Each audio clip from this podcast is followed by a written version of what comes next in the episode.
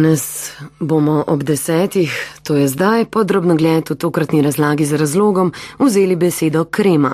Lahko, da ste si jo danes že namazali na kožo, verjetno tudi na zobno ščetko, prav dobra pa, bila, pa bi bila za današnji vroči dan tudi kepica kremnega sladoleda za sladico.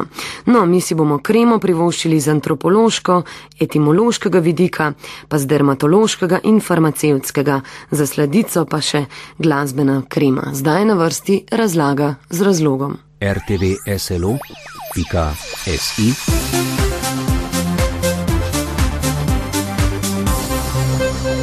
Pošiljnica Val 202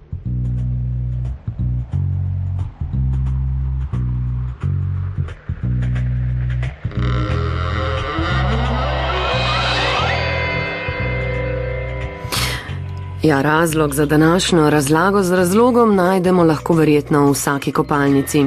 In prav lahko, da se vam zdi, da besedo že povsem poznate. Naš namen ni odkrivati tople vode ali pač tople kreme, je pa vidik te besede, ki je morda nekoliko manj znan. Za začetek gremo v staro Grčijo. Antropologinja, doktorica Maja Sunčič. Krema je predvsem povezana kot neko negovalno mazilo z zelo široko kulturo, ker če pogledamo tudi etimologijo, nas pele čist nazaj, recimo neke stare čase v Grčijo, kajti po neki uh, varianti naj bi izhajala iz uh, glagola hrijo, kar pomeni mazili, iz česa je potem tudi beseda kot mazilo, olje, uh, hrizma oziroma hrima.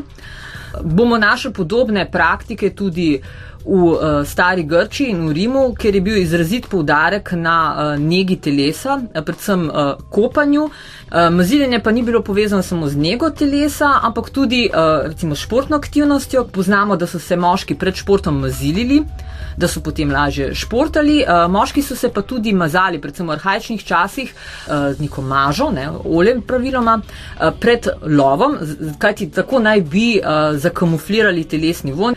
Eh, in če beremo tudi recimo znanem vojskovodji Aleksandru Makedonskemu, uh, ki se pritožuje nad svojimi vojaki in tudi sam nad sabo, ko grejo proti vzhodu in osvajajo Perzijo in grejo proti Indiji, da so se posem pomehkužili in se ne mažejo več zgolj uh, z mazilom, uh, olivnim oljem, ne za njego, ampak so se začeli popolnoma dišavati in so zdaj kot neke ženske in se ukrašujejo tudi, to je med drugim ta nek orientalizem, ki so ga Grki in tudi Rimljani pripisovali tujcem. Že v Iliadi in Odiseji od Homerja beremo, kako ženske okopajo moške in jih potem namazilijo. Služabniki so jim nosili neko flaško, tisti, ki pa niso imeli dovolj denarja, so si pa mogli sami flaško nositi in se mazili v kopališču. Ne. Beseda krema izhaja iz francoske besede krem. Tja je prišla z dveh smeri. Iz galske krama, kar pomeni smetana, druga osnova pa je prek latinščine iz grške besede krizma.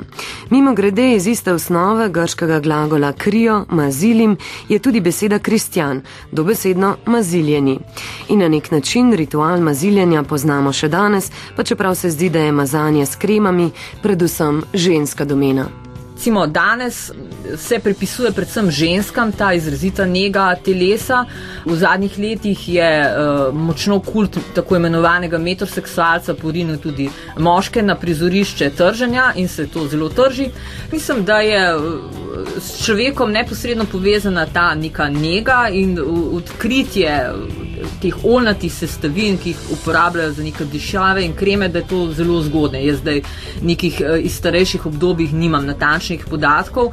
Če pa pogledamo v stari Grči in v Rimu, kjer imamo predvsem eh, podatke za moške in njihove kulturne prakse v javnosti, je uh, kar precej kritik nastalo kasneje v rimskem obdobju zaradi homoseksualnosti oziroma natančne pedrastije, kjer so se neka kupališča javna razvila in so se moški samo še s telovadbami, maziljeni in s tem kultom telesa ukvarjali, ki je povezano tudi z družabnimi dogodki, kajti tam tudi recitirajo recimo pesniki, govorniki uh, govorijo o teh kopališčih, tako da je to neko široko druženje in je tudi to kopanje in maziljenje tudi vod recimo v samo neko večerjo, v pojedino, neka žrtvovanja bogovom in podobne zadeve, kajti treba se vedno očistiti, ne samo neke umazanije, ampak tudi umazanije teh simbolnih pomenov.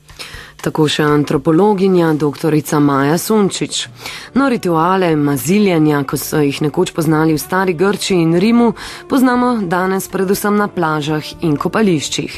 Tam je mazanje sončnimi kremami že postalo obvezna praksa. Dermatolog dr. Bojan Popovič. Krema za sončenje eh, je pravzaprav krema kot vsaka druga kar pomeni, da pač ima nekje ponovadi dve komponenti. In sicer ena komponenta je pač eh, ta tako imenovani nosilec, ne, podlaga, v katero se pravzaprav umeša potem tista glavna učinkovina. In glavna učinkovina, konkretno pri kremi za sončenje, so pač filtri, ki zaščitijo kožo pred sončnimi žarki. Dejstvo je, ne, da pravzaprav sončenja kot takega sploh se ne priporoča in pravzaprav tudi kreme same, pravzaprav niso, niso uporaba krem ni neko opravičilo za sončenje, niti noben izgovor. Gre samo za zaščito za primer, kadar se soncu resnično ne moremo izogniti. Kaj so to faktori?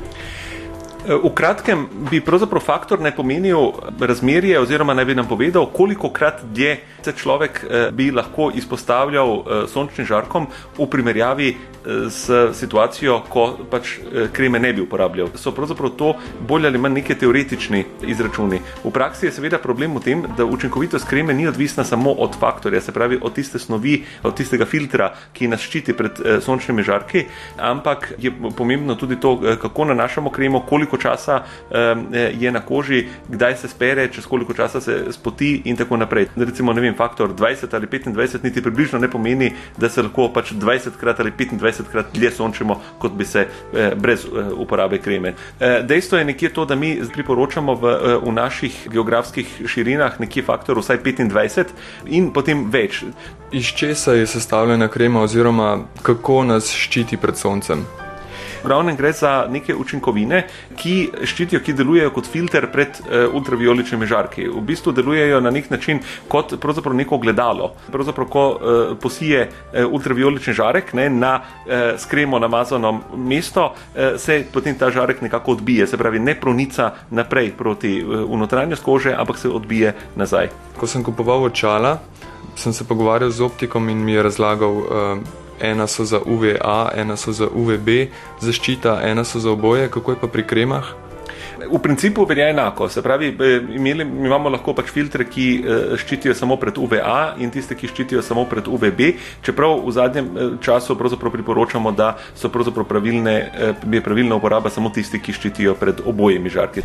UVA žarki imajo nekoliko manjšo energijo. UVB so recimo še toliko nevarnejši, ker imajo pač večjo energijo kot UVA, ampak neki raziskave kažejo, da v principu, kar se tiče nevarnosti, so pravzaprav nevarni oboji.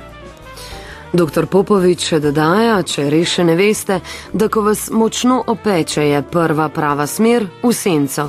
Še vedno pa pomaga dobri stari jogurt, pa tudi kakšna hladilna krema.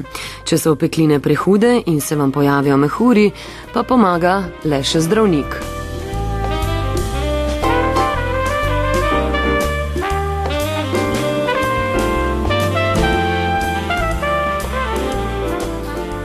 Če bi vam želeli izdati recept za najosnovnejšo kremo, moramo pojasniti neko drugo besedo tujega izvora, brez katere tako rekoč ne gre - emulzija.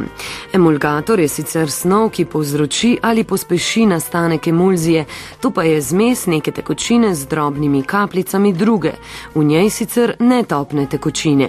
Več o tem, kako nastane krema, kemičarka z razvojnega oddelka Ilirije Jana Metljak. Krema je v bistvu emulzija in nastane tako, da zmešamo dve fazi, vodno fazo in oljno fazo. Se pravi, vzamemo vodo in stvari, ki se v vodi topijo, pa olje in stvari, ki se v olju topijo, segrejemo na recimo približno 80 stopinj, to zmešamo in potem počasi ohlajamo. Obvezno pa moramo dodati tudi emulgator, ki poskrbi, da ta emulzija ostane oziroma krema ostane taka, kot je, da se nam voda pa olje ne loči, da ostanejo kapljice razporejene v vodi oziroma olje, voda v olju. No, to sta tudi glavna principa, če se ne motim pri kremah. Vi pravite, da je ena krema eh, temelji voda v olju ali pa olje v vodi. Kaj je tu razlika? Ja, razlika je tako, večina krem je olje v vodi. To pomeni, da kapljice olja razporedimo po vodi.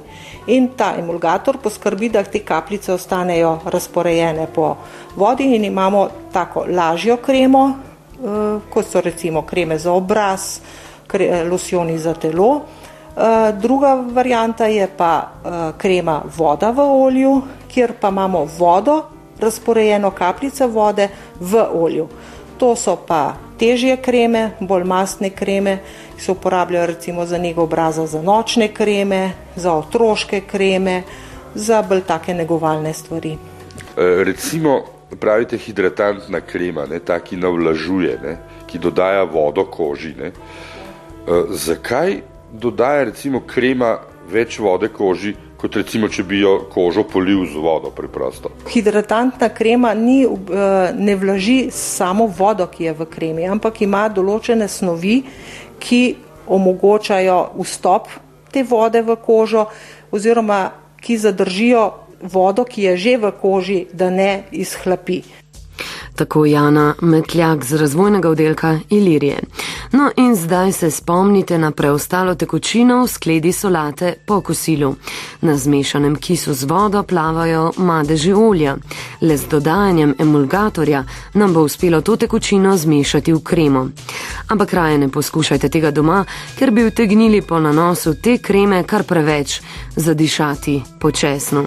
In potem bi res predolgo iskali plažo zase, vsaj na slovenski obali.